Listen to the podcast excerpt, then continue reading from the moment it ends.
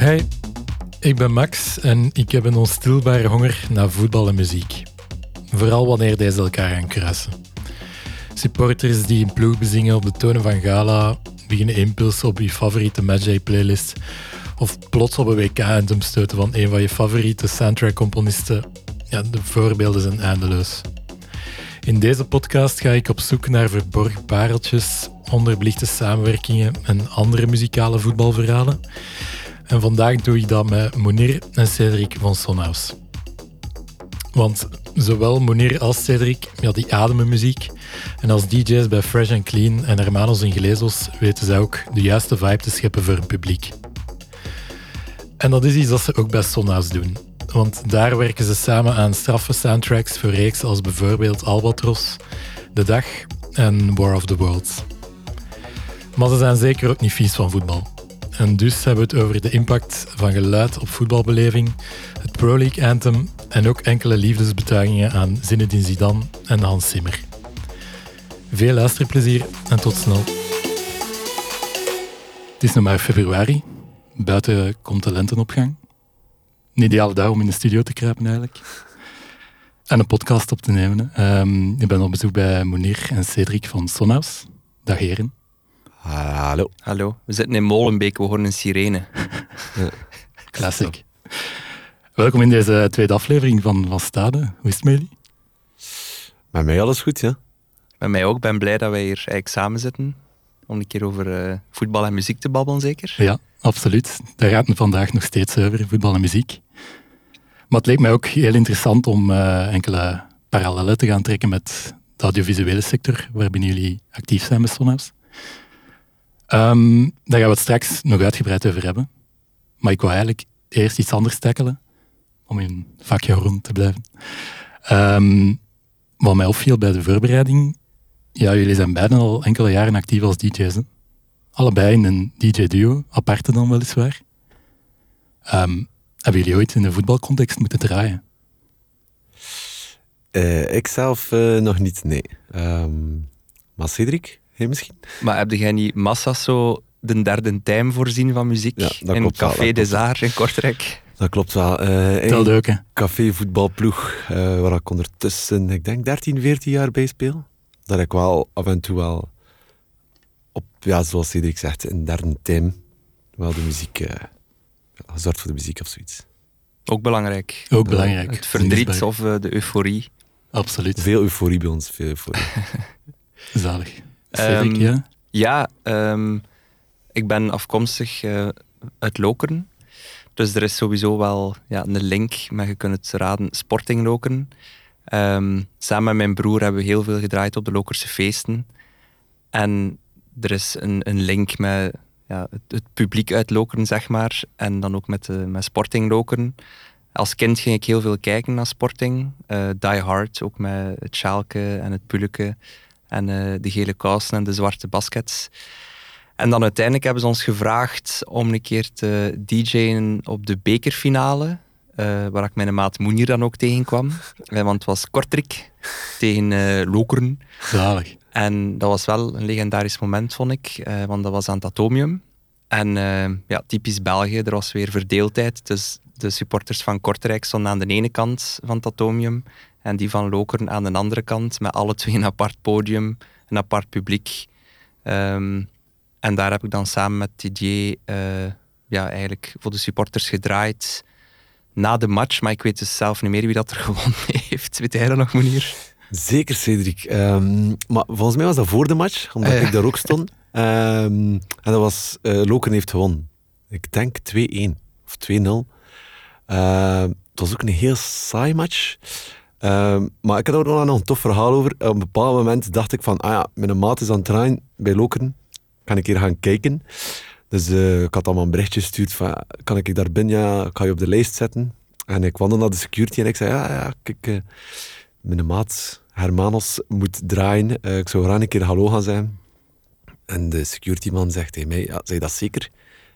kijk een naar uw kleren. En eigenlijk had hij wel gelijk. Ik had een rode vest aan, een rode pull, rode vans met wit dus het was wel heel duidelijk dat ik daar was voor KV Kortrijk. En toen zei hij van, ja, zou hij wel echt naar die kant gaan? Ik zou het niet zo verstandig vinden.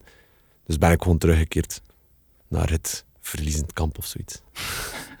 Voor de match. Voor de match. ja. We waren daar ook meer voor het feest, is Cedric. Voetbal is Klopt. feest. Ja. Maar die energie dat daar hing, ik vond dat wel vrij straf. Zo die supporters en dat is iets ja, dat je nu wel, wel mist. Zo, hè. Grote groepen en een, een vibe met heel veel volk. Ja. Ik vond dat echt wel legendarisch. Ik ga dat nooit vergeten. Wat dat daar hing qua... Vraag me af, is dat, is dat geen moeilijke context om in te draaien? Want je zit met zodanig ja, breed publiek. Kijk, ik zie zelfs eh, wat vergelijking met een trouwfeest. Ja, Wat dat- je moet echt Absoluut. voor zo'n brede doelgroep draaien. En qua setting, het is zo specifiek. Ja, je hebt niet echt de ruimte om, om een verhaal op te bouwen in een DJ-set. Het is gewoon volle gaas, eh, gericht op feest. Ja, je mocht niet te arrogant of te intellectueel of te egoïstisch eh, zijn. Ik herinner mij, er was toen net een release, ehm, een nieuw eh, Justice nummer, een Tiga remix. En ik vond dat zo geniaal. Je kent dat gevoel dat er zoiets net uit is of je hebt het net ontdekt, dus je wilt dat zo snel mogelijk delen met een publiek. En dat was onze intro. En ja, de supporters keken echt naar ons, like dat koeien naar een trein staren of zo van wat leggen jullie hierop? Eh, dus je moet net zoals bij een trouwfeest zorgen dat de, de regels van het spel, jargon, hè, eh, respecteert. Ehm, en dat je niet te speciaal wilt doen. Eh, maar je wilt toch je eigen identiteit daarin steken. Dus je moet wel trachten in je opbouw af en toe wat nummers te steken ja, dat je wilt delen om het publiek ook arrogant wat op te voeden of zo. Ja. Of toch even je eigen ding te doen en niet gewoon EDM te knallen en la la la liederen en slagers. Dus een eclectische mix, zeg Ja. maar. En EDM bestond toen misschien zelf nog niet echt. Het was, ik denk, de bekerfinale 2012. 2012. Ja, Damn. ja Wow, inderdaad. Het is dat niet zo even geleden. Het voordeel is dat je al geen zatte onkels hebt die iets komen aanvragen. Voilà. Ja, dat het nog een groot podium is of zoiets. Hè? Dat ze er niet aan kunnen. Dat ze niet kunnen zeggen, ja, op, leg het op. Ik herinner mij ook plots, ik was eigenlijk vergeten, maar eh, in het midden van de set, typisch, gebeurt ook op een trouwfeest, de muziek viel uit. Dus wat doen die supporters? Boe, boe, hermanos. Dus ze beginnen zo te kakken op mijn broer en ik, maar wij kunnen daar niks aan doen. Ja. Dus je kunt gewoon wachten en hopen dat iemand van techniek het regelt. Maar als je dan weer een nummer oplegt, dan is iedereen weer mega gelukkig. Ja, en dan zijn er weer een held. Wat was zo één nummer dat echt heel goed binnenkwam toen? Ehm, ja. ehm, Tom Wilson. eh Technocat. Dat ken ik niet. Dat moet je een keer opzoeken. Allee, je moet dat niet, maar... Dat is zo een classic van vroeger. ehm, met een heel lange break. Die blijft opbouwen. En ik herinner mij dat toen iedereen wel volledig eh, uit zijn dak ging. Ja. Dus. Tom Wilson Project Technocat. Alright. Meneer, wat is de rol van muziek in uw voetbalbeleving? Want je bent ook een fervente fan en je speelt zelf ook voetbal. Ja. Klopt. Eh, eerst en vooral als fan, eh, ja, ik vind dat wel altijd... eh, het is het leuke, vind ik, om naar voetbal te gaan, eigenlijk. En ik denk dat we dat nu ook wel merken, in deze tijd, dat er geen publiek is. Maar ik vind dat wel echt heel tof dat zo, ja, supporters hun, hun eigen lieden gaan eigenlijk gaan, ja, gaan uitvinden. Eh, is dat over de andere ploeg? Is dat over hun eigen ploeg? Is dat over een bepaalde speler? Eh, maar toch, ja, ze zingen allemaal mee. Het is allemaal één groep. Iedereen staat achter die ploeg. En op die manier voelde wel ja, hoe, hoe dat dan een steun geeft aan, die, aan, de, aan, de, aan, de, aan de ploeg. Eh, ik denk dat je dat, zoals ik al zei, nu merk je dat echt keihard. Want nu ja, is er niemand. Ik denk zelf, ja, thuisvoordeel valt daar ook volledig mee weg. Ehm, dus ik denk dat dat eigenlijk wel eh, ja, iets is wat ik wel super tof vind. Zeker, eh, ja, ik ben dus van Kortrijk, zoals Cedric het zegt. Ehm, en, Dus eh, zoals dat jij het zegt in Albatros, hè. ja, ik weet het. Voor de mensen die de reeks nog niet gezien hebben, je kijken. Daar zegt Moen hier van waar dat is. Oké. Eh, dank u, Cedric. En um, ik ben niet mijn kluts kwijt. Uh, dus ja, ik ben van Kortrijk. En uh, ja, dus daar bijvoorbeeld... Uh, ja, superfans. ja, is Johnny Turbo echt super belangrijk daar. En ja, dat wordt er ook gewoon like, zo vis in de leien. Zijn liedje wordt er echt zo echt gescandeerd. En ja, door u, Max, ben ik ook te weten gekomen. Ik wist dat zelf niet. Dat Ivan Karlier, dat hij eigenlijk een nummer heeft geschreven zelf voor KVK. Ik heb het al gedeeld met sommige vrienden. Ze waren ook wel heel blij om dat te horen. Jij zo'n groep, zo KVK of iets? Nee, een beetje een Johnny Turbo groep. uh, Hoeveel mannen is dat met twee of zo? Ik zou toch passen, Cedric. Johnny Turbo is echt groot. Uh, nee, en dus zo dat. En dan ook, wat ik zeker mij ook herinner, is zo... Had, altijd, had een speler, Stijn Meert, ken dat waarschijnlijk ook. Ja, ja. Uh, en die speelde vroeger bij Kortrijk en die was dan naar Waregem gegaan. En natuurlijk, de rivaliteit tussen Kortrijk en Waregem is heel groot. Dat is wel veel minder horen, aangezien dat ze meer tegen elkaar spelen en zo. Maar uh, vroeger was dat echt heel intens. En ja, de supporters hadden dan zo echt een liedje geschreven ja, over, over hem op een bepaalde melodie. Hoe dat juist ging, ben ik wel vergeten. Maar het was echt, ik denk, dat gevoel dat hij had, terwijl dat hij aan het spelen was, dat dat niet zo leuk geweest zijn. Ja. Um, maar ja, dus dat vind ik echt wel uh, zeer fascinerend bij, bij, bij, voetbal. Die liederen die eigenlijk zelf worden uh, uitgevonden door supporters en zo een extra boost geven aan de ploeg en aan het stadion. En ja, komt daar binnen en voelt dat meteen. Ik denk dat, dat, dat, jullie dat ook vinden, als jullie daar zijn. Ja, dat is echt een, een cultuur, hè? een eigen aparte muziekcultuur. Ja, dat is ook een soort club of zoiets. Ja, Allee, letterlijk en figuurlijk. Het, ja, het pompt gewoon in muziek. Allee, bijvoorbeeld, ja, ik speelde zoals ik al zei, 13 jaar in een cafévoetbalploeg. Op een bepaald moment waren we aan het voetballen, het iets minder en was de sfeer zo naar beneden. Kent dat wel, zo, een cafévoetbal. Ja, Meestal is dat als zojuist de winter begint. Uh, dan zie je ook maar met 11 niet meer. In plaats van in de zomer zijn met 16 of 17. En dan had ik ook zo plots beslist van oké, ik ga een boxje meepakken in, in de... Je opwerpen als DJ. Ja, als DJ in, in de... En we eindigden altijd de, de, de, de Voordat we naar buiten gingen was het altijd zwangere regie. Uh, logisch. En dat was iedereen echt... Op duur iedereen kende het ook. En het was zo van, uh, oké, let's do this. Ja. Opmerkelijke keuze, omdat het is zo vrij laid back. Ja. Het is redelijk chill. Ja. Terwijl je zou verwachten dat we aan iedereen een keer oppeppen oppompen voor de match. Ja, ik had geen zin om zo'n oppompend ding te doen. Ik had meer zoiets van, ja, het is een goede flow. Uh, die stem is ook wel echt krachtig, vind ik. En het is daarom eigenlijk dat ik dat, dat, dat, ik dat gekozen had. Nice. En iedereen was ook super fan, meteen. Iedereen had zo van, ja, logisch. Zo, ja, logisch dat we gaan winnen. Ken het. Ja. Heel goed werd het meer grap. Ja, als, als DJ um, ehm, selecteer je, cureer je voor een bepaald publiek. Je moet een atmosfeer scheppen in dat geval voor een dansvloer dan. Maar ik zie daar wel een goede parallel met, met de activiteiten die jullie met Sona's doen. Want daar cureren jullie voor brands, voor film, voor serie. Is het uh, misschien even moeilijk om uh, met Sona's als agency te schetsen? Go, Cedric. Oké. Okay, um, ehm, nee, maar die, die brug dat je daar maakt, klopt. Hè? Dus het gaat over je publiek kunnen lezen uh, en luisteren naar wat de noden zijn voor een specifieke brand of, of een serie of een film. Um, dus wat dat wij eigenlijk trachten te doen bij Sonhouse, onze missie zeg maar, is om geluidsidentiteiten te creëren. Uh, niemand die op dit moment snapt wat ik zeg. maar het komt er eigenlijk op neer dat um, wij willen vanuit Sonhouse een, een auditieve smoel geven aan, aan projecten. Omdat over het visuele wordt altijd heel goed nagedacht, maar het auditieve komt vaak op de tweede plaats. En wij geloven dat als je echt goed nadenkt um, en een project begrijpt en er dan de juiste muzikanten bij betrekt en het juiste team samenstelt, dat je dan iets kunt creëren wat ervoor zorgt dat iets er auditief ook uitspringt. Um, maar om u een voorbeeld te geven, Albatros, en waar dat Moen hier ook buschauffeur in is, daar hebben we het scenario gelezen en um, ja, de, de briefing gekregen van de regisseur uh, Wannes de Stoop. En dan hebben wij nagedacht van ja, hoe zou die reeks kunnen gaan klinken op basis van scenario, eerste beelden die we hebben ontvangen. En dan uh, zijn we op het idee gekomen om Pieter van Dessel en uh, Lennart Korvits daar de soundtrack voor te laten maken. Uh, maar misschien kun jij daar wat meer over vertellen, over die soundtrack?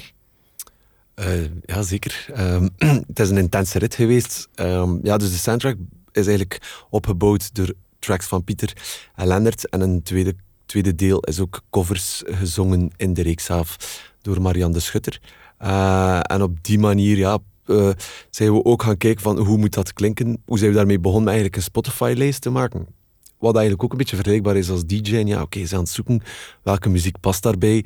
Uh, en dat was in samenspraak met Wannes uh, en met Cedric. En dan ja, gewoon die Spotify-lijst delen. En ja, ik heb er nog iets aan toegevoegd. Ik denk dat één was die... Dat, dat, is blijven steken is de soundtrack van True Romance. Gemaakt door Hans Zimmer. Uh, heel die marimba-vibe en zo. Uh, dus als je luistert naar de Albatros soundtrack, zou dat ook wel horen dat er daar wel een referentie naar is. Um, dus ja, dat was eigenlijk een beetje het, het, verhaal van de soundtrack van Albatros. En zo wordt het herkenbaar. Dus zelf met de ogen gesloten, dat is wat wij trachten te bekomen. Is dat iets uniek, zeg maar, herkenbaar, dat je dat universum van Albatros creëert, puur door audio. Uh, en in de wereld van de merken uh, doen we dat dus ook. Ik denk dat daar het bekendste voorbeeld Coolblue is. Ja, voilà. um, ja, Coolblue heeft een visuele huisstijl, maar wij hebben eigenlijk een auditieve huisstijl voor hen gecreëerd. Ja. Op basis van hun merk, op basis van het verhaal dat zij willen vertellen, op basis van hun belofte, alles voor een glimlach. Dus dat is wat wij doen, als dat een beetje duidelijk is. Ja, absoluut. Maar we gaan ze zeker nog wel wat voorbeelden uitlichten. Maar um, ik wou eerst al even stilstaan bij soundtracks. Want ook in de voetbalwereld is, is de link met soundtracks eigenlijk nooit ver weg. Ik zal beginnen met een vraag. Wat is voor jullie, voor jullie um, een heel toonaangevende componist in soundtrack? Een toonaangevende componist in soundtrack uh, is voor mij... Um maar even denken, Cedric. het probleem is dat we allemaal direct aan Hans Zimmer denken, maar we willen dat niet zeggen omdat we het een eikel vinden. Uh, oh no, he did it. maar dan in tweede instantie, uh, met dat hij ook is overleden, onze maat Ennio. Ik heb hem ook al zien optreden, denk ik aan. Ah, ja, zeker, zeker. Ja, ja, zeer zeker heel bepaald geweest in de soundtrackwereld. Ja, absoluut. Zeker. Het was ook die richting dat ik uit wou eigenlijk. Okay, perfect. Want, perfect antwoord. Okay. Want Ennio Morricone heeft um, zelf ook een voetbalnummer geschreven. Hij heeft uh, het officiële anthem voor het uh, WK 78 in Argentinië gemaakt. Misschien moeten we daar even naar luisteren. Ja, graag.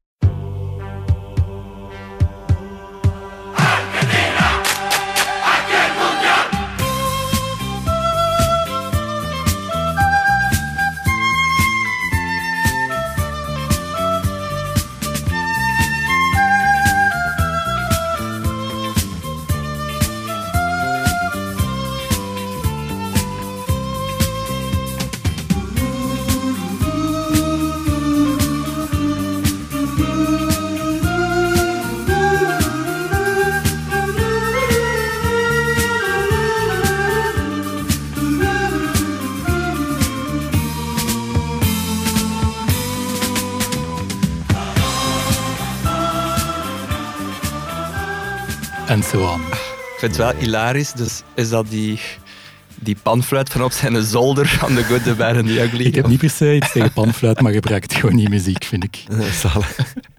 maar ja, de legendarische uh, componist Ennio Morricone, dat we allemaal kennen van The Good, the Bad and the Ugly, Once Upon a Time in the West, um, Hateful Eight was ook een recente soundtrack dat hij gemaakt heeft. Hij heeft gewoon een voetbalnummer geschreven. En deze was uh, de originele versie het valt wat tegen, vind ik. Het begint goed en je ja. hebt zo'n ja. erop en dan... Het begin wel echt goed. Ja. ja. wel. Je verwacht zoiets van, oeh, hier komt iets goed en dan uh, mm. pamflet.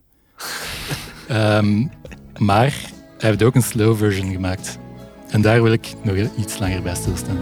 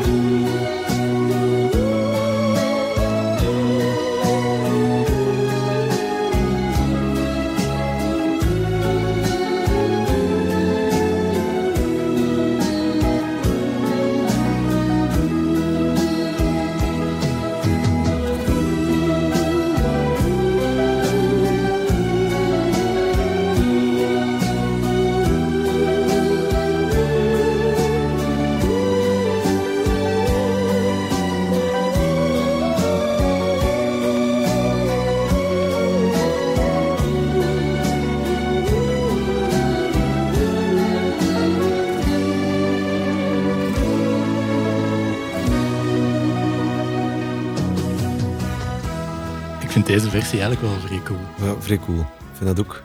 Ik vind, ik vind het is ook het is zo slow, maar het zit toch nog zo wat iets grootsheids in, wat dat wel duidelijk nodig is bij soms bij voetbal, wat sowieso bij voetbal, om toch zo dat, dat, de sport nog groter te maken of zo. Mm -hmm. En het is like, wel dat echt ook wat... Het is wat vintage Morricone, hè, dat, die grandeur, dat epische, dat zit er echt in. Ja, maar om terug te gaan naar de analogie met trouwfeesten, dan zie ik dat niet als een openingsdans, maar zo als het allerlaatste liedje of zo. Ja, dat we daar allemaal met de lichten aan, mega Iedereen zat met de pinten in de lucht.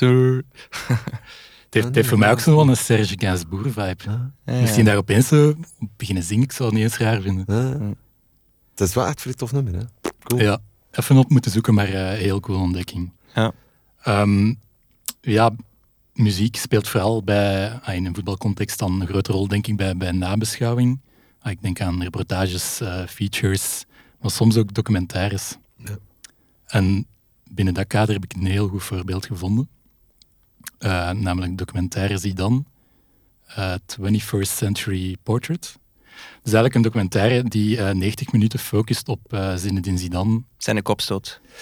Het is, het is in zijn laatste competitiematch. Ehm, dus net voor de Wereldbeker eigenlijk. Zijn laatste competitiematch bij Madrid.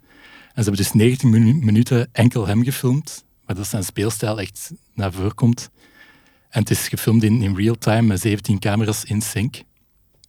Ehm, maar die documentaire heeft ook een opvallende soundtrack.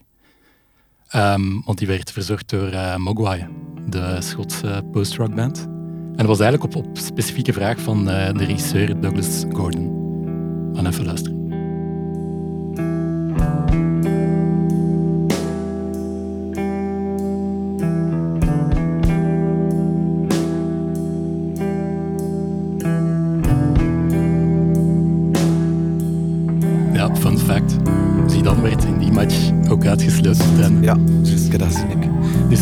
Laatste competitiematch als zijn laatste match de koer is hem hij uitgesloten geweest. Maar dat komt hij wel goed, en toe dat was een een een beetje rode de kaart pakken, dat was hij wel nog gewoon.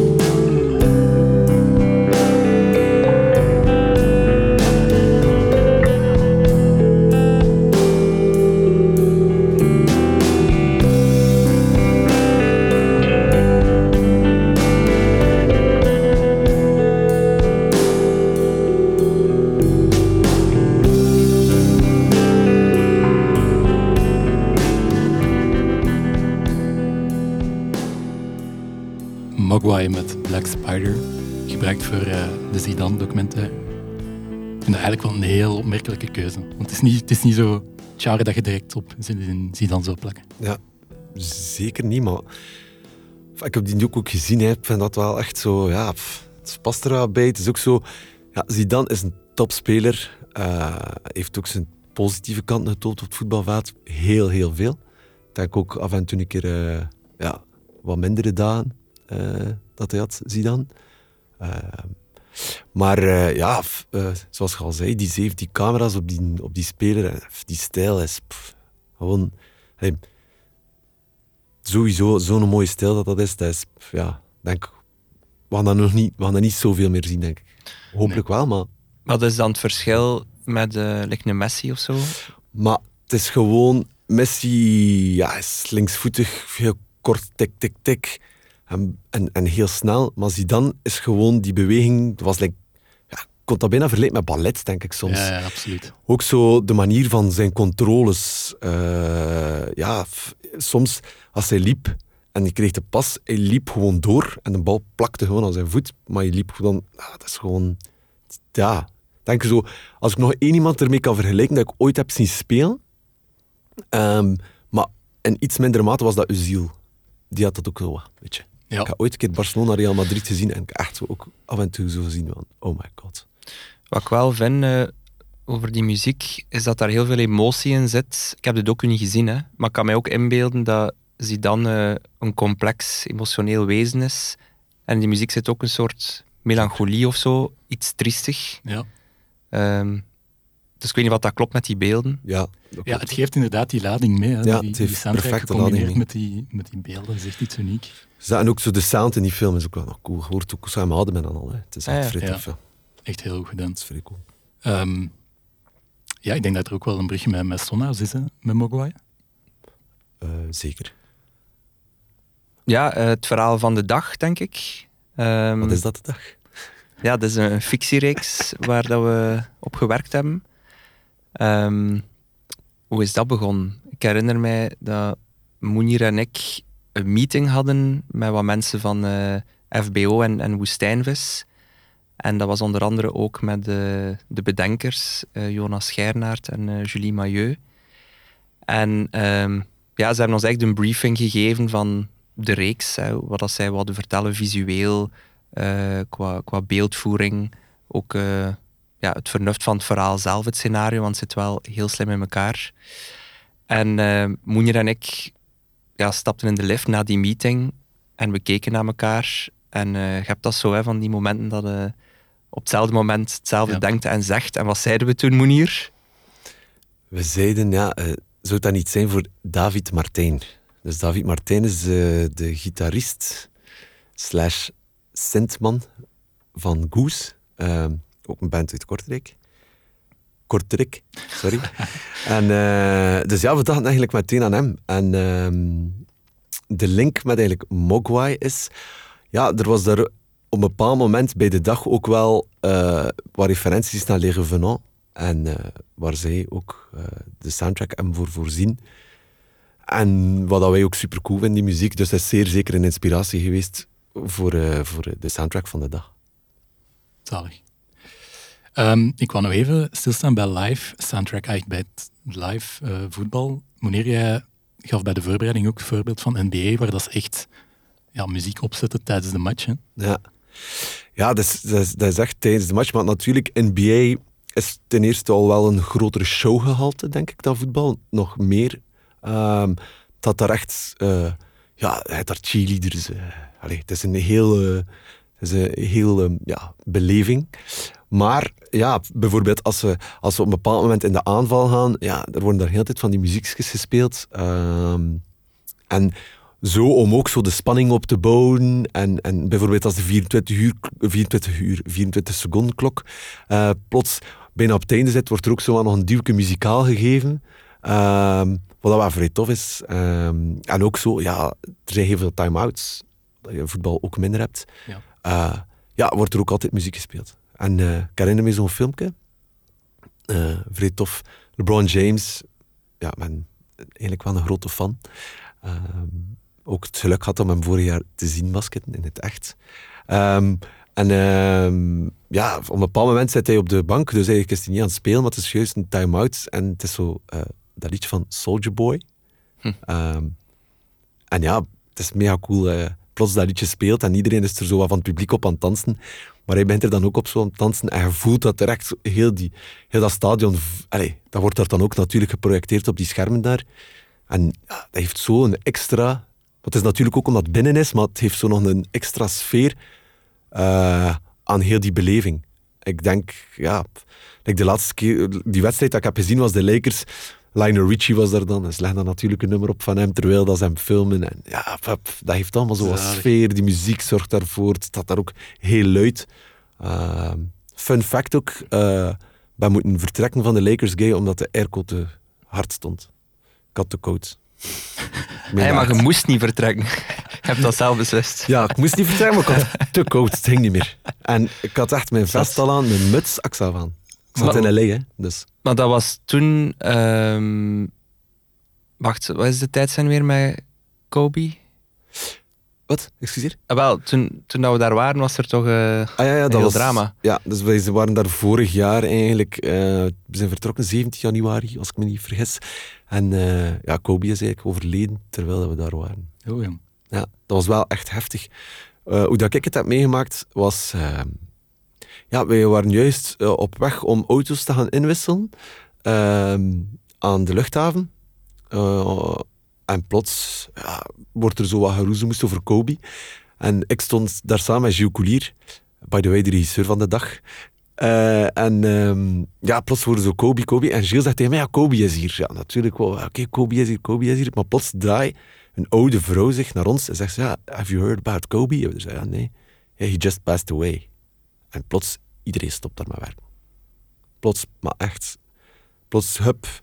Sommigen gingen gewoon het kantoortje binnen al wenend. Daar werd er, plots is er zeker 15 minuten, 20 minuten niets meer gebeurd. Gewoon iedereen enkel dat. Als uh, ook heftig, surreal, omdat um, wij zaten met een bende maten in L.A., dus in, in een huisje dat we gehuurd hadden. En um, we hadden eigenlijk de avond voor zijn overlijden hadden we gebarbecued. Ehm, en de maat van ons is, uh, is kok en ja, speelt graag met vuur.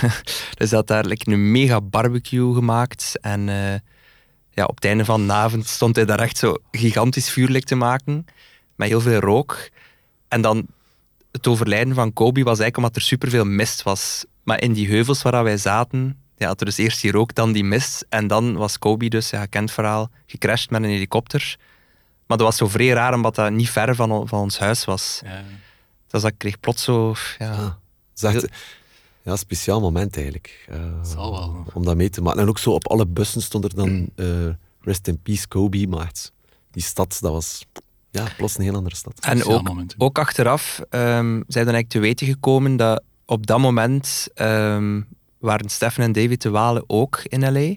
Omdat ze geselecteerd waren voor een Grammy. Uh, voor een remix van... Uh, Work It. Ja, voilà. Um, en zij hebben ons, ons dan toch nog verteld, Monier, dat zij ook naar een match gaan kijken. Um, in L.A., maar ik denk niet toen, maar een andere keer. Maar dat ze mega overdonderd waren, omdat ze plotseling zo ja, in de spotlight kwamen te staan, dat onder een naam zo op die een billboard kwam. En dat ze like, zo'n eerbetoon kregen. Maar ik weet wel niet welke match of hoe dat, dat precies weer zat. Dat weet ik ook niet meer. Ja, wat. Ja, even terug naar, naar die uh, live soundtrack, want dat, laat zich misschien minder goed vertalen naar, naar voetbalomgeving. Maar eigenlijk is dat wel wat dat vandaag wordt toegepast door het feit dat er geen supporters in het stadion mogen zitten, is wel live supportersgeluiden in te mixen naar een lang scenario van de match. Ik vind dat wel zo uniek. Ja, dat is super uniek. Denk de stap om effectief muziek te gaan opleiden, zoals in de NBA, ik denk dat dat misschien een stap te ver is voor voetbal. maar uh, ja, de supporters, dan ze wel ja, een extra duwtje geven, of als ze, als, ja, als ze ja, scoren of zo. Um, maar over geluid nu met voetbal is ook zot. Hè. Allee, je kunt verstaan alles wat de spelers zeggen. Bijvoorbeeld over laatst eh, Zlatan en Lukaku. Ja. ja, die hebben een discussie met elkaar. Vroeger ik dat nooit niet gehoord hebben. Nu, ja, weet wat hij zegt heeft over, uh, ja, over zijn mama. Of, en dus uh, ja, dat is ook het geluid nu bij voetbal. Als je kijkt naar een voetbalwedstrijd. Want ik denk, ja, geluid in het algemeen is ook wel belangrijk. Ja. Op, op, ja, zeker. Je hebt, je hebt veel onderzoek gedaan naar de kaart van een geluid op een samenleving, in de samenleving. Wat, is, wat kan zo de impact zijn van dat supportersgeluid op voetbal, denkt je? Ik denk vooral een onderschatte impact. Eerst en vooral omdat je geluid ook niet ziet. Ehm, dat zijn vibraties en dat is ergens een evidentie, waardoor we er dus niet bij stilstaan dat we constant een omgevingsgeluid hebben. Uh, en ja, ik zeg ook altijd van, je ogen kunt gemakkelijk sluiten, maar je oren niet. Die zijn eigenlijk altijd open of aan of zo. Je moet er al uh, oordoppen in steken om je af te sluiten. En dan nog voelt je vibraties en hoort je op een bepaalde manier eigenlijk altijd. En als je dat dan bekijkt uh, op niveau van voetbal, dan vind ik het ook heel straf hoe dat die spelers eigenlijk, zeker in het begin van corona dan, um, anders voetballen. Um, het gaat allemaal wat trager, er is minder dynamiek, eh, omdat die supporters daar niet zijn. En die supporters ja, produceren natuurlijk eh, ook vibraties en, en, geluid. En wetenschap heeft dat ook aangetoond dat uh, geluid ook ervoor zorgt dat de neuronen geactiveerd worden, waardoor dat je beter presteert, dat je een boost krijgt. Er is ook een reden waarom dat we graag naar muziek luisteren als we gaan lopen omdat dat de dopamine produceert, eigenlijk het gelukshormoon, waardoor dat je dus ook beter presteert en het minder ambetant vindt om, uh, om te gaan lopen. Dus die impact uh, op sportprestaties is gewoon gigantisch. Dus zowel geluid algemeen als muziek. Um, voilà. Ja. ja, het resulteert zich echt in die prestaties. Maar nu is dat toch wel van dat thuisvoordeel, dat valt gewoon volledig weg. Je ziet veel meer ploegenpunten laten vallen. Hey, het is zo opvallend. Ja, dus, het is, uh, ja, supporters is heel duidelijk en, en het geluid dat ze creëren of wat dat ze zingen of wat dat ze doen is heel duidelijk bepaald. Ik vond dat ook zeer goed wat Cedric zei. Die eerste wedstrijden in een leeg stadion, ja, dat, dat, tempo.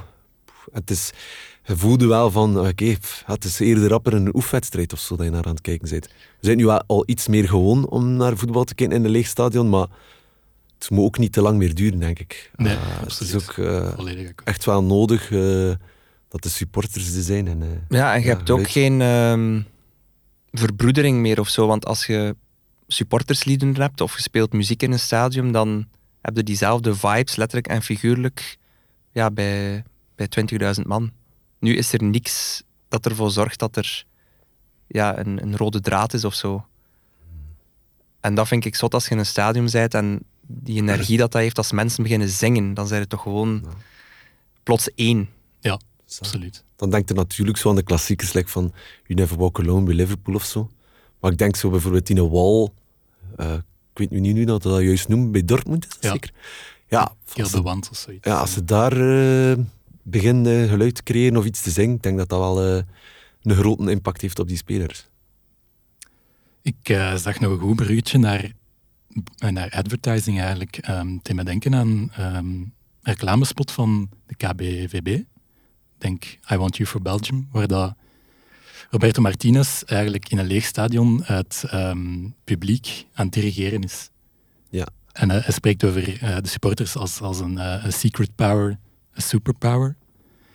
En ja, het lijkt wel alsof die spot in, in de lockdown is opgenomen, maar het is eigenlijk van 2019. Plus, jullie hebben daar aan meegedraaid aan die spot.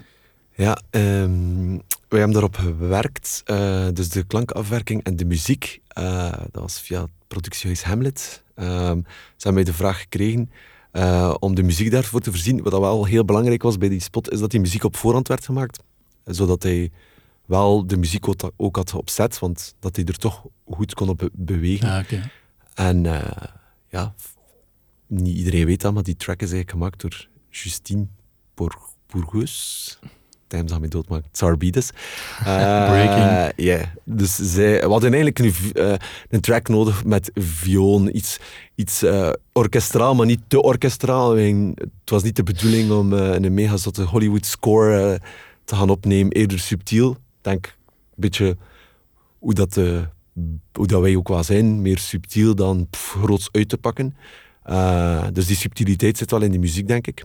En ja, voor de voice-over was het dan uh, Martinez. En het was wel ook heel tof om hem hier in de studio te hebben in Brussel. Sympathieke man, sympathieke man. Alright. En onze collega Sandy was helemaal uh, aan het flippen toen dat hij binnenkwam. Omdat ze handtekeningen wou voor haar zoontjes. Dus dat is vrij grappig om wat te zien, omdat dat zo wat nat done is dan. Maar wel ook heel charmant. dat Sandy dan direct naar hem loopt. Van maak uw handtekening. Twee keer. ja. Nee, maar ik vond dat persoonlijk wel een, uh, een vrij goed idee van Moenier om uh, met Sarbi te werken. Wat de effectief de minder orkestrale, klassieke uh, Hans Zimmer eikel vibe geeft. Um, Tweede keer al. Ja, dat zo plots een kantje en, en het past wel heel goed met die beelden. En... Ik denk zo, snap, stel je voor dat je zo, zo'n spot maakt. Ik moet oppassen wat ik zeg, maar uh, voor de, de Nederlandse voetbalbond of de Franse voetbalbond denk ik dat het daar wel een keer uh, een tandje luider de muziek zou moeten doen. Ik denk dat dat zo uh, wel in onze identiteit zit van Belgen om meer zo braaf. braaf. Ja. En ja, dus het was eigenlijk echt. Een volgend voorbeeldje uit de reclamesector. Ik ga het gewoon opzetten en gaat direct weten waar je dat naartoe wil.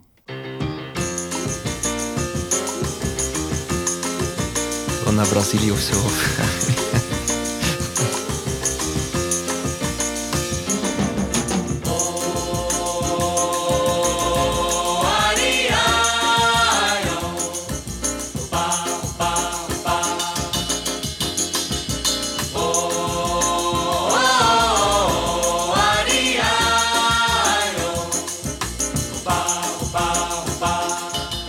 Nada van Sergio Mendes en Brazil 66. Ja, ik denk dat jullie alle twee weten welke spot ik doe. Ja, voor mij, ik weet dat direct. Ja. Dat is uh, de Braziliaanse ploeg in, uh, in de airport. Oh, dus, ik zie hier ja, dat hij nacht 90 was. Ja, ik was toen echt 13 jaar. Dat was echt in de fleur van mijn voetbalcarrière. Toen Ja. ik dacht van, I'm gonna be the next Ronaldo. Of de next, uh, wat was het, Ronaldinho, die zat er nog niet. Ja, die zat er wel zeker in. Ik denk nog niet. Denk nog niet. Nee, nee, in 2000. Of die zat misschien wel al op de bank, denk ik. Ik weet het niet zeker. In 98. Maar I was don't dat know. toen die vibe met Frankrijk Ja, en die dat is- zotte finale Ja. Ja. met Roberto Carlos ook? En waar had eh. Ronaldo eigenlijk een epilepsieaanval Ja, had ja, gehad. juist voor de match, Juist ja. voor de wedstrijd, maar dat is hem toch aan opgesteld. Absoluut. Twee goals van Zidane. Zidane, ja, terug. twee kopbal. En Petit. Derde van Petit. Yes. Exact. Ja, Ja, het is ook zo'n finale die bijblijft. Maar ook zo, omdat ik ben van 85, 13 jaar, dus dat is zoiets. ja dat, eh, wel. Dus wel mij ook onthoud. zo het jaar dat ik echt voetbal begon te ervaren. Ja. Ja. En ook zo, ja, 2K was niet zo ver. Eh, maar ja, die track heeft ook zoveel succes gehad.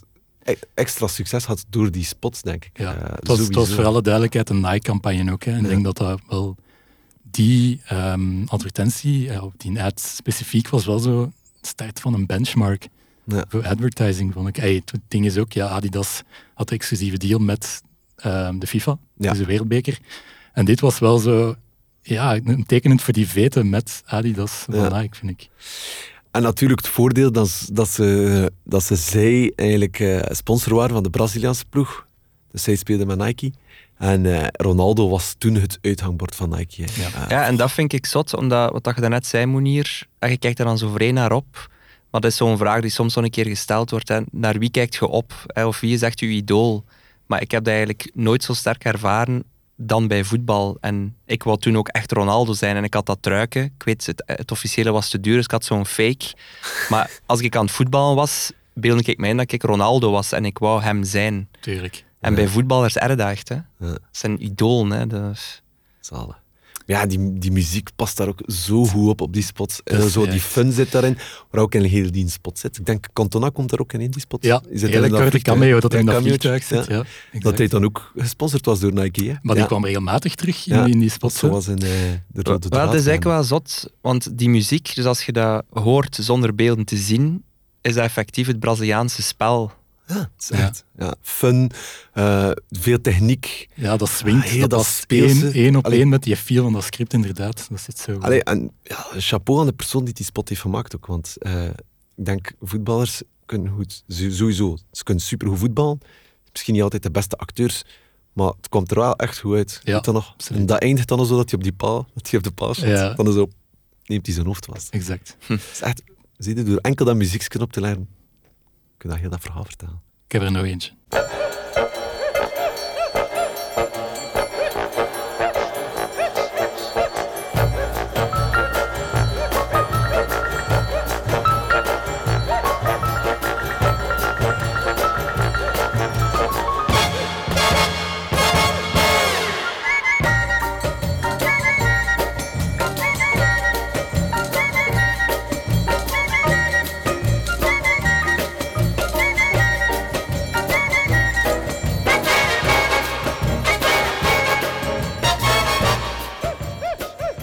Het was eigenlijk een voorbeeld dat ik al even vergeten was, maar het is eentje dat jij hebt eh, gekozen, Cedric. En ik werd er op slag nog nostalgisch van, want die kennen het wel degelijk. Ja, wel, het is ook fijn om zo achter de scherm dan een keer te onderzoeken wie dat wat heeft gemaakt. En in dit geval is dat Quincy Jones. En dat is denk ik ook wel iets dat Moenier en mij verbindt. Eh, we zijn mega fan van eh, Michael Jackson, zijn muziek. We moeten opletten weer al. Ehm, ja, en Quincy is eigenlijk eh, samen met allee, Michael Jackson dan, hij is eigenlijk ook wel echt het brein. Eh, MJ is niet echt, bij mij weten, eh, een muzikant of een componist of een pianist. Maar die heeft ideeën en die zegt dan van... Hey Quincy, give me a, a beat, boom chak, boom chak. En give me a bass. En dan doet Quincy dat. Ehm, dus twee handen op één buik. Maar Quincy Jones is niet alleen ja, een fantastische producer voor, eh, voor andere muzikanten of, of bands, maar dus ook een componist die zelf muziek maakt. En in dit geval eh Saul Bossa heet het. Of? Sol Bossa Nova, ja. Ja. Ehm, ook voor Nike. Het is ook een Nike-campagne, opvallend. Het is hetzelfde jaar. Het is ook van 98. Wat ik opvallend vind, van, ai, als je al die airport-campagne hebt, denk ik van, je zit goed. Het is niet iets anders nodig. Maar dan was er die specifieke spot waar dat we ook Ronaldo, eh Vieri, Roberto Carlos zien ehm, voetbal op het strand. Ja. En dit was de soundtrack voor die spot. Ja. Ja, ook in, in films, hè. Ehm, Quincy. Ik denk eh, Kill Bill, Austin Eh, Powers. Austin En Powers. is het ook dat, ja, en, en ja, Quincy produceerde ook hè, films. Hij was ook de producent van eh, The Fresh Prince of Bel-Air. Ja, en Dini Generiek heeft hij ook gemaakt, hè.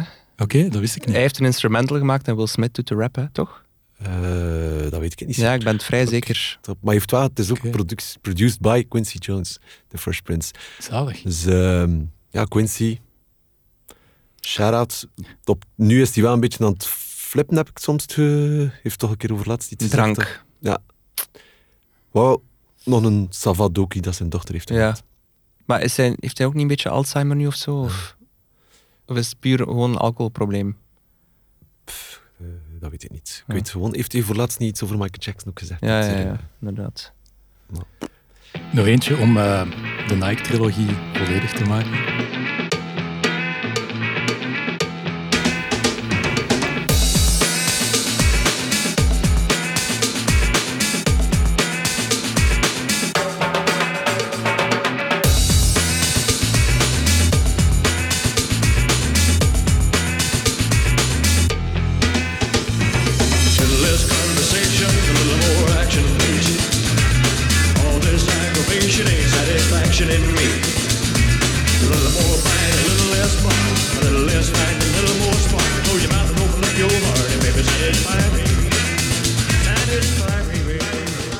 Junkie XL met A Little Less Conversation. Gebruikt in uh, ook een legendarische spot, uh, The Cage, denk ik, van 2002. Voor die wereldbekercampagne. Ja, de het gaat eigenlijk verder op, op hetzelfde en dat de vorige jaren ja. door Nike was, was uitgezet. Iconisch, creatief en ook kenmerkend door die soundtrack. Ja. Um, ja, ik herinner mij dat ik in de Music Man was in Gent. Um, donderdag kwam altijd een nieuwe platen uit. En dat was dan net binnengekomen. En ik heb echt heel lang getwijfeld of ik de plaat zou kopen of niet. Want ik ben ook Elvis van, uh, mee met de paplepel. Um, en dan stelt u de vraag van, is dat nu een verkrachting? En is dat fout en plat? Of is dat eigenlijk wel goed gedaan? Um, uiteindelijk heb ik de plaat gekocht, maar ik heb het nooit gedraaid, dat nummer. Niet omdat het een reclamespot zit, maar gewoon, het heeft wel zoiets fout, vind ik. ja, ik snap waar je naartoe wilt. Ja. Um, voor Junkie XL was het ook wel zo de, de grote doorbraak op dat moment. Hè? Want um, ik herinner mij dat dat in dezelfde periode in Ocean's Eleven gebruikt werd, denk ik. Uh, ja, dat kan. Dat was ja, toen, denk dus, ik. Ja, ja, ja. En ja, fun fact, die is zich daarna als producer vooral gaan toeleggen op, op Ja. soundtracks, denk ik. hè. Ja, dat klopt. Hè. Hij werkt ook af en toe samen met Cedric, zijn beste vriend, Hans Zimmer. Ehm, maar ja, hij heeft dat zo... Hans. Deadpool, shout-out. Deadpool gedaan, eh, Mad Max. zijn toch wel al eh, film, films die de wereld rond zijn gegaan. Ja, Batman ehm, vs. Superman was er ook in. Ja, hè. voilà. Dus ik denk ook, ja, die woont nu in L.A. en eh, die is daar wel zijn een uh, composer-status heeft hij nu wel al duidelijk gehaald. Dan wordt hij wel veel gevraagd. Ja. En ik vind eigenlijk wel, ehm, misschien dwaas, maar die lyrics van dat nummer, allee, of die hoek, ik vind dat ook wel een soort levensles of zo. Ik denk daar af en toe aan, ook als ik met mensen werk, van minder babbel gewoon doen. Dus- Show don't tell. Ja, voilà. Dat zegt hij dat op het einde van de podcast. Yes. We zijn nog niet aan het einde, we gaan nog wel babbelen. Ja. Little more conversation. Little more conversation. Ja, het is nu niet gedaan, inderdaad. Want ehm, ik zou nog willen stilstaan bij één voorbeeld. En het is eentje waar dat jullie aan, eh, aan meegewerkt hebben. Namelijk deze.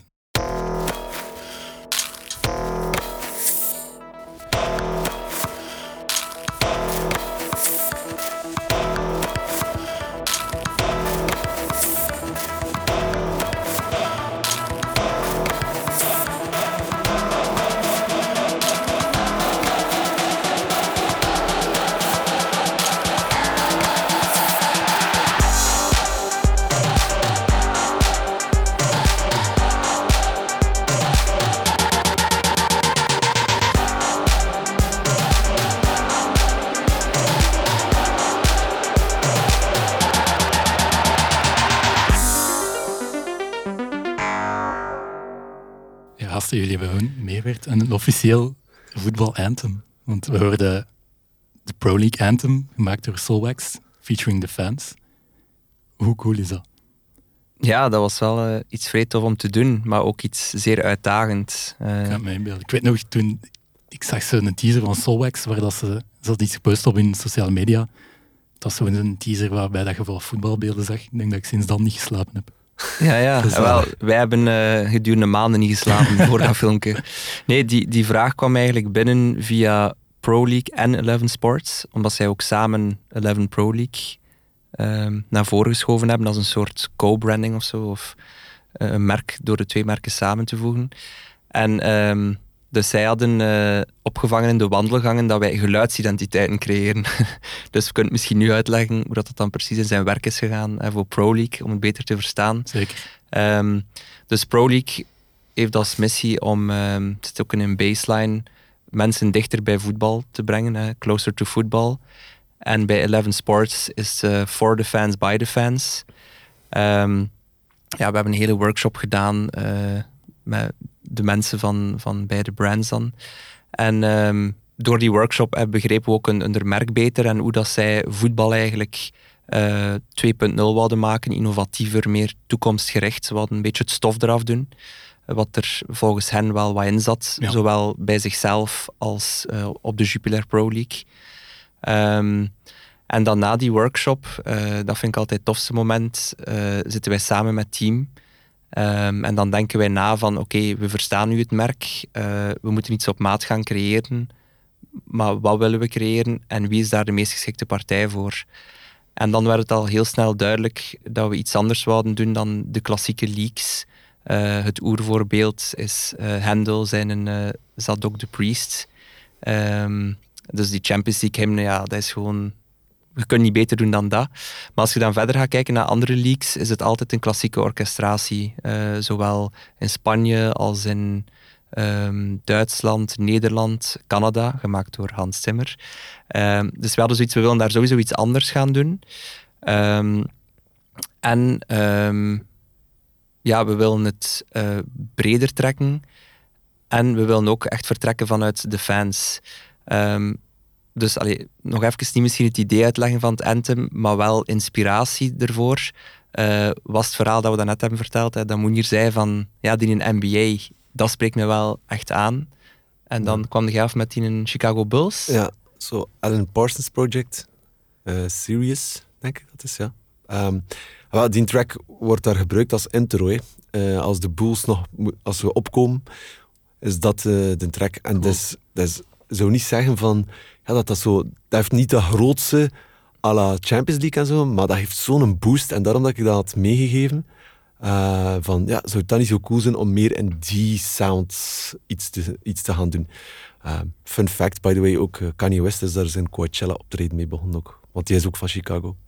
Dus ja. ziet, dat wordt dan ook nog een keer meegenomen. Dus dat was eigenlijk ook om het, zoals Cedric zegt, iets breder te trekken qua sound. en toch, ja, niet gewoon de klassieke tour op te gaan. Ja. En dan kwamen we op het idee ehm, om echt te vertrekken vanuit die fans. En de insteek was, fans haten elkaar. Als er twee ploegen op een veld staan, of nog niet op een veld staan, ja, die, die beide supportersgroepen willen elkaar gewoon van kant maken. Ze beginnen ook uh, op elkaar te roepen en hun eigen liederen te scanderen tegen elkaar. Um, en die haat uh, kent eigenlijk maar één moment van verbroedering. En dat is net voordat de match begint, als de spelers op één lijn staan. Dat is eigenlijk ja, het enige momentum dat je iets kunt creëren van wij zijn één. En we willen samen gewoon een fantastische match zien. Maar vanaf dat fluitsignaal is gewoon weer hate. Uh, dus dachten we van ja, hoe kunnen we nu muzikaal iedereen echt gaan verbroederen, maar ook dat de fans deel uitmaken van de song. Um, ook closer to football, dat er voetbalgeluiden in zitten. Um, dus met, met dat idee zijn we dan eigenlijk naar Solwax uh, getrokken. Waarom? Um, zijn voetbalfreaks. Uh, Stefan is een echte freak. Uh, David niet echt. en hij geeft dat dan ook vlot toe.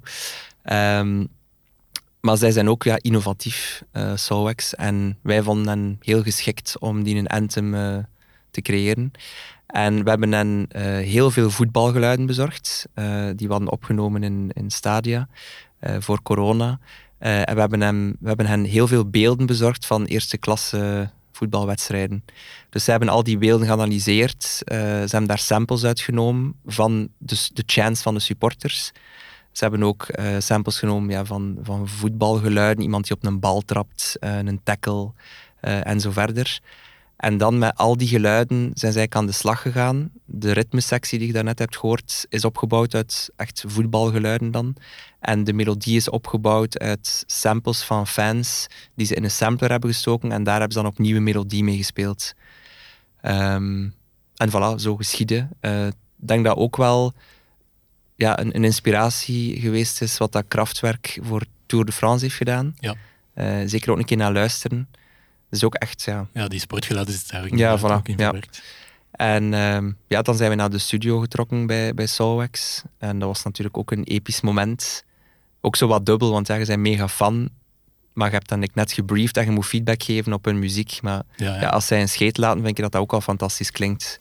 Mhm. Dus, dus dat was wel nog een uitdaging. nummer heeft ook wel zo die, die new beat, eh, new beat methodiek. Zo van dat samplen, het is, het is redelijk traag, maar je komt tegelijk ook bij iets vrij inno- innovatief uit. Ja. Dat is wel heel knap. Ehm, er zijn ook verschillende versies van gemaakt hè, voor eh, verschillende, ai, verschillende afleidingen, afgeleiden. Voor Extra Time zie je het ook vaak opduiken. Ja, daar zit vooral die vibe in dat Moenier als input had gegeven. Meer de gitaren, eh, die in Alan Parsons Project. Eh, ja, het is ook een ander gebruik. Het is niet het effect van ah, we zijn in een stadium en moeten iedereen verbroederen en echt klaarstomen en, en ja, eh, adrenaline geven voor de match. Ja, op broadcast is echt voor de magazines, het is ook meer generiek vibe. En daar heb je dan dus de, de afgeleide met gitaren in. Ja. Een andere opbouw ook. En dan is er ook een stadionversie. Ik, ik heb dit seizoen maar één match kunnen zien.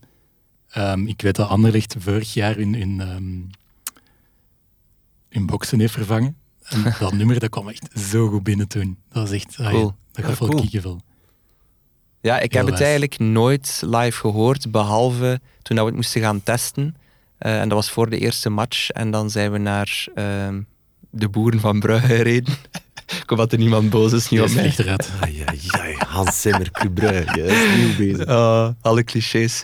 Nee, ehm, ja, dat was vrij cool. Hè. We mochten naar het Jan Breidelstadion eh, het Anthem gaan testen. Dat was gewoon Ja. zo een, een moment ja, dat ik ook nooit ga vergeten. Het was een leeg stadion, maar die muziek daar vol een bak. Eh, om te zien ja, het allemaal goed klonk, of wat de mix goed zat. Ehm, en dan, ja, een week later was dan de eerste match. Brugge KV Mechelen, of KV Mechelen Brugge. Ik denk dat het op KV Mechelen was. Eh, Ik ben niet 100% zeker, maar ik denk het wel eigenlijk. Ik weet het niet goed. Ja. Maar was niet het moment dat eh, de première werd gelost dat er nog geen supporters in het stadion waren toegelaten? Inderdaad, er waren... niemand? Ja, nee. Alleen dat, is, maar... dat is een beetje de anticlimax. Dat is een, een nummer gebouwd op de input van supporters. Want dan En kunnen ze die link niet maken in dat stadion. Ja. Ja, nee, inderdaad. Maar dat was ook het coole, want de supporters waren dan wel aanwezig via de muziek, want er samples zaten erin. ja. En Stefan en David hebben echt getracht om alle fans erin te steken door al die samples te nemen van al die matchen. Dat was eh, een vrij werk. Ehm, maar de lancering zelf weet ik dat we wel wat teleurgesteld waren. Denk de tweede keer dat ooit afgespeeld is, was dan eh, bij KV Mechelen. En ehm, ja, we kregen like, te horen van, eh, ja, wel speciaal hè, dat, dat nummer van Solvex. En zo, ja, hoe dat? Ja, het is like, zo vrij rap en ja, toch iets, iets raar. eh. we zijn dat gaan checken en wat is er gebeurd. Bij KV Mechelen hadden ze ja, een Dropbox-folderke gedownload met heel heldere instructies die Sonhouse had opgemaakt. Maar toch waren ze erin geslaagd om niet de 45 seconden versie te gebruiken, want officieel moet dat echt pal 45 seconden zijn. Maar ze hadden de versie gebruikt van 2 minuten en een half. En ze dachten, ja, eh, dat is te lang, hè. we moeten dat reduceren tot 45 seconden. Dus ze hebben zo op hun Pioneer niet plus 16 gedaan, maar zo op wide. Om dat zo te versnellen, zodat het maar 45 seconden zou duren. Ja. Dus ik wil zelf niet weten hoe dat klonk, maar iedereen moet zoiets gehad hebben van, wat is dat hier? Eclectisch. ja, voilà. Nee, maar echt zeer veel respect voor dat project. Het is echt een heel knap resultaat. En het geeft wel een nieuwe elan aan, aan Pro League, vind ik. Ja. Ja, Ja. tof dat je dat vindt. Er, er zijn sowieso, denk ik, ook haters, ehm, omdat het net gedurfd is. Ehm, maar het staat wel voor iets. Dus allee, het heeft een eigen auditieve spoel. Dat was de bedoeling. Absoluut. We naderen eh, het einde van de podcast. ehm en bij wijze van uitsmijter wil ik je nog iets eh, voorleggen. Dus binnenkort komt er naar goede traditie opnieuw een, eh, een officieel eh, Rode Duivels anthem voor het EK aan. Is dat iets dat jullie graag aan zouden meewerken? Wat denkt hij, Monier? En Ehm, indien ja, wat, wat moet dat worden? ik zou er wel graag op willen werken, zeker.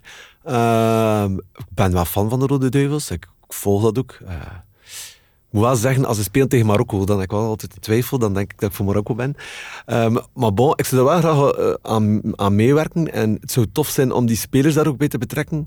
En op mijn, in mijn, mijn eerste idee vind ik dat dan een meer urban track, hip-hop-achtige vibe mag gaan. Wat dat, de, wat dat sowieso nu eigenlijk een nieuwe pop is bijna, uh, bij de jeugd.